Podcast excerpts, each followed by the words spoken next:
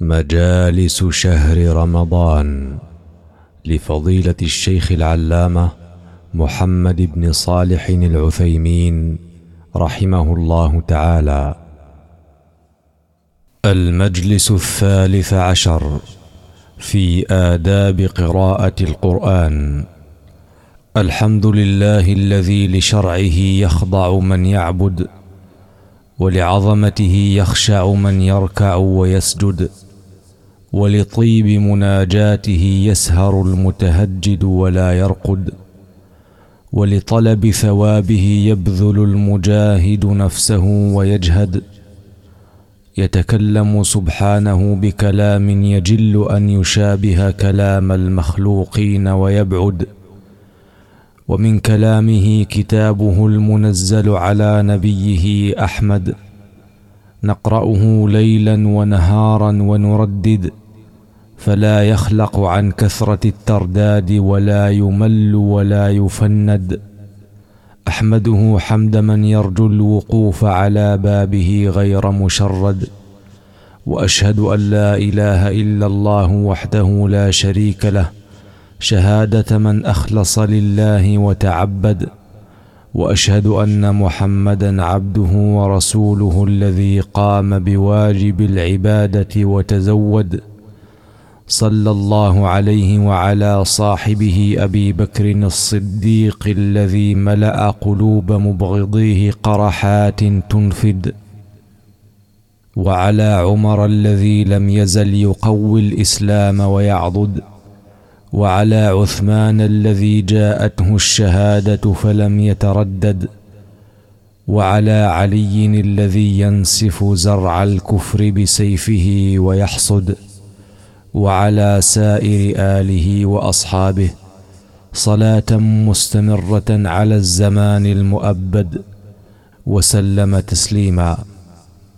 إخواني إن هذا القرآن الذي بين أيديكم تتلونه وتسمعونه وتحفظونه وتكتبونه هو كلام ربكم رب العالمين وإله الأولين والآخرين وهو حبله المتين وصراطه المستقيم وهو الذكر المبارك والنور المبين تكلم الله به حقيقة على الوصف الذي يليق بجلاله وعظمته وألقاه على جبريل الأمين أحد الملائكة الكرام المقربين فنزل به على قلب محمد صلى الله عليه وسلم ليكون من المنذرين بلسان عربي مبين.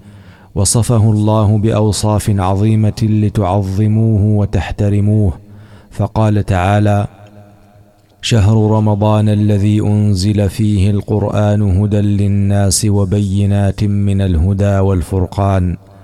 ذلك نتلوه عليك من الآيات والذكر الحكيم.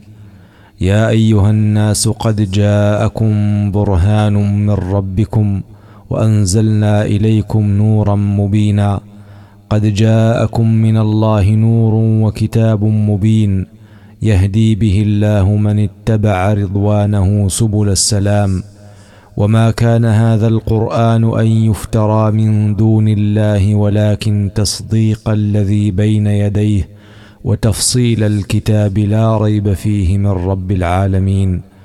يا أيها الناس قد جاءتكم موعظة من ربكم وشفاء لما في الصدور وهدى ورحمة للمؤمنين. كتاب أحكمت آياته ثم فصلت من لدن حكيم خبير.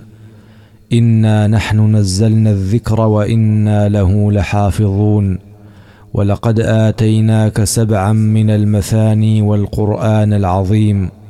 لا تمدن عينيك إلى ما متعنا به أزواجا منهم ولا تحزن عليهم واخفض جناحك للمؤمنين.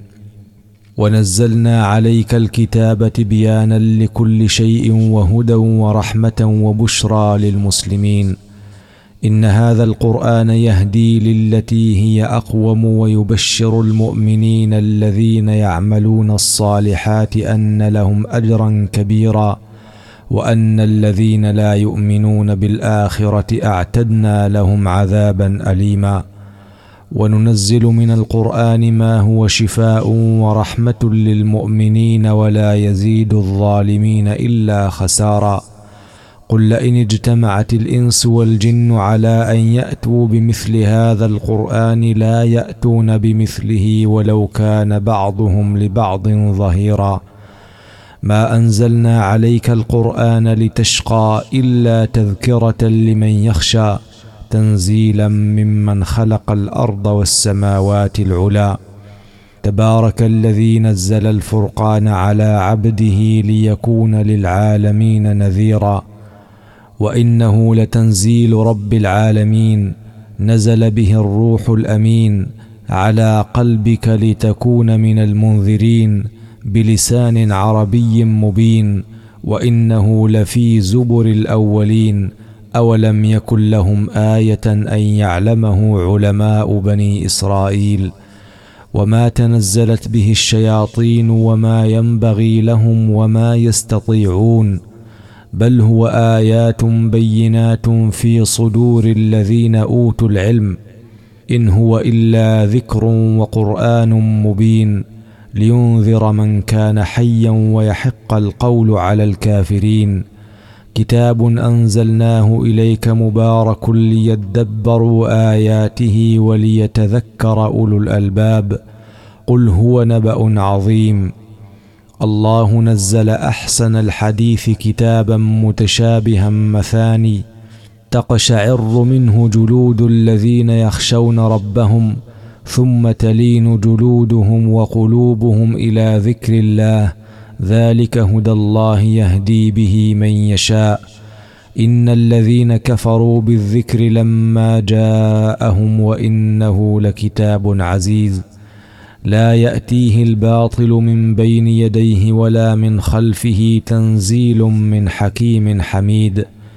وكذلك أوحينا إليك روحا من أمرنا ما كنت تدري ما الكتاب ولا الإيمان ولكن جعلناه نورا نهدي به من نشاء من عبادنا. وإنه في أم الكتاب لدينا لعلي حكيم. هذا بصائر للناس وهدى ورحمة لقوم يوقنون. والقرآن المجيد. فلا أقسم بمواقع النجوم. وإنه لقسم لو تعلمون عظيم. إنه لقرآن كريم في كتاب مكنون. لا يمسه إلا المطهرون. تنزيل من رب العالمين. لو أنزلنا هذا القرآن على جبل لرأيته خاشعا متصدعا من خشية الله. وتلك الأمثال نضربها للناس لعلهم يتفكرون. وقال تعالى عن الجن إنا سمعنا قرانا عجبا يهدي إلى الرشد. وقال تعالى بل هو قرآن مجيد في لوح محفوظ. فهذه الأوصاف العظيمة الكثيرة التي نقلناها وغيرها مما لم ننقله تدل كلها على عظمة هذا القرآن ووجوب تعظيمه والتأدب عند تلاوته والبعد حال قراءته عن الهزء واللعب. فمن آداب التلاوة إخلاص النية لله تعالى فيها لأن تلاوة القرآن من العبادات الجليلة كما سبق بيان فضلها. وقد قال الله تعالى فادعوا الله مخلصين له الدين. وقال فاعبد الله مخلصا له الدين. وقال تعالى وما أمروا إلا ليعبدوا الله مخلصين له الدين حنفاء. وقال النبي صلى الله عليه وسلم اقرأوا القرآن وابتغوا به وجه الله عز وجل من قبل أن يأتي قوم يقيمونه إقامة القدح يتعجلونه ولا يتأجلونه. رواه أحمد. ومعنى يتعجلونه يطلبون به أجر الدنيا. ومن آدابها أن يقرأ بقلب حاضر يتدبر ما يقرأ ويتفهم معانيه ويخشع عند ذلك قلبه ويستحضر بأن الله يخاطبه في هذا القرآن لأن القرآن كلام الله عز وجل. ومن آدابها أن يقرأ على طهارة لأن هذا من تعظيم كلام الله عز وجل ولا يقرأ القرآن وهو جنب حتى يغتسل إن قدر على الماء أو يتيمم إن كان عاجزا عن استعمال الماء لمرض أو عدم. وللجنب أن يذكر الله ويدعوه بما يوافق القرآن إذا لم يقصد القرآن مثل أن يقول: لا إله إلا أنت سبحانك إني كنت من الظالمين. أو يقول ربنا لا تزغ قلوبنا بعد إذ هديتنا وهب لنا من لدنك رحمة إنك أنت الوهاب. ومن آدابها ألا يقرأ القرآن في الأماكن المستقذرة أو في مجمع لا ينصت فيه لقراءته لأن قراءته في مثل ذلك إهانة له. ولا يجوز أن يقرأ القرآن في بيت الخلاء ونحوه مما أعد للتبول أو التغوط لأنه لا يليق بالقرآن الكريم. ومن آدابها أن يستعيذ بالله من الشيطان الرجيم عند إرادة القراءة لقوله تعالى: فإذا قرأت القرآن فاستعذ بالله من الشيطان الرجيم ولئلا يصده الشيطان عن القراءة أو كمالها. وأما البسملة فإن كان ابتداء قراءته من أثناء السورة فلا يبسمل وإن كان من أول السورة فليبسمل إلا في سورة التوبة فإنه ليس في أولها بسملة لأن الصحابة رضي الله عنهم أشكل عليهم حين كتابة المصحف هل هي سورة مستقلة أو بقية الأنفال ففصلوا بينهما بدون بسملة وهذا الاجتهاد هو المطابق للواقع بلا ريب إذ لو كانت البسملة قد نزلت في أولها لبقيت محفوظة بحفظ الله عز وجل لقوله تعالى إنا نحن نزلنا الذكر وإنا له لحافظون ومن آدابها أن يحسن صوته بالقرآن ويترنم به لما في الصحيحين من حديث أبي هريرة رضي الله عنه أن النبي صلى الله عليه وسلم قال ما أذن الله لشيء أي ما استمع لشيء كما أذن لنبي حسن الصوت يتغنى بالقرآن يجهر به. وفيهما عن جبير بن مطعم رضي الله عنه قال سمعت النبي صلى الله عليه وسلم يقرأ في المغرب بالطور فما سمعت أحدا أحسن صوتا أو قراءة منه صلى الله عليه وسلم. لكن إن كان حول القارئ أحد يتأذى بجهره في قراءته كالنائم والمصلي ونحوهما فإنه لا يجهر جهرا يشوش عليه أو يؤذيه.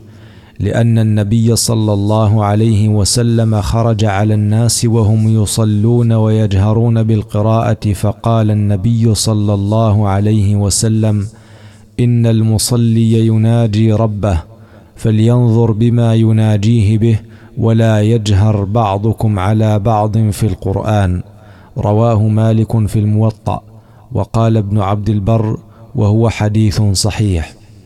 ومن آدابها أن يرتل القرآن ترتيلا لقوله تعالى ورتل القرآن ترتيلا فيقرأه بتمهل بدون سرعة لأن ذلك أعون على تدبر معانيه وتقويم حروفه وألفاظه. وفي صحيح البخاري عن أنس بن مالك رضي الله عنه أنه سئل عن قراءة النبي صلى الله عليه وسلم فقال كانت مدا ثم قرأ بسم الله الرحمن الرحيم. يمد بسم الله ويمد الرحمن ويمد الرحيم. وسئلت أم سلمة رضي الله عنها عن قراءة النبي صلى الله عليه وسلم فقالت كان يقطع قراءته آية آية. بسم الله الرحمن الرحيم. الحمد لله رب العالمين. الرحمن الرحيم. مالك يوم الدين. رواه أحمد وأبو داود والترمذي. وقال ابن مسعود رضي الله عنه لا تنثروه نثر الرمل ولا تهذوه هذ الشعر. قفوا عند عجائبه وحركوا به القلوب ولا يكن هم أحدكم آخر السورة. ولا بأس بالسرعة التي ليس فيها إخلال باللفظ. بإسقاط بعض الحروف أو إدغام ما لا يصح إدغامه فإن كان فيها إخلال باللفظ فهي حرام لأنها تغيير للقرآن.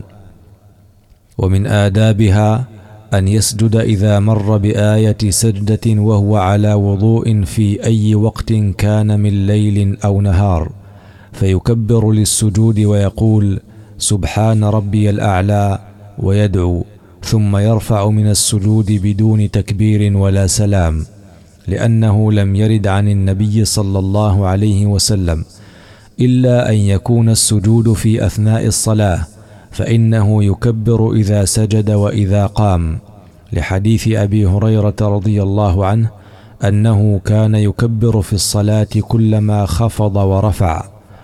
ويحدث أن النبي صلى الله عليه وسلم كان يفعل ذلك. رواه مسلم. وعن ابن مسعود رضي الله عنه قال رأيت النبي صلى الله عليه وسلم يكبر في كل خفض ورفع وقيام وقعود. رواه أحمد والنسائي والترمذي وصححه. وهذا يعم سجود الصلاة وسجود التلاوة في الصلاة. هذه بعض آداب القراءة فتأدبوا بها واحرصوا عليها وابتغوا بها من فضل الله. اللهم اجعلنا من المعظمين لحرماتك الفائزين بهباتك الوارثين لجناتك. واغفر لنا ولوالدينا ولجميع المسلمين برحمتك يا أرحم الراحمين. وصلى الله وسلم على نبينا محمد وعلى آله وصحبه أجمعين.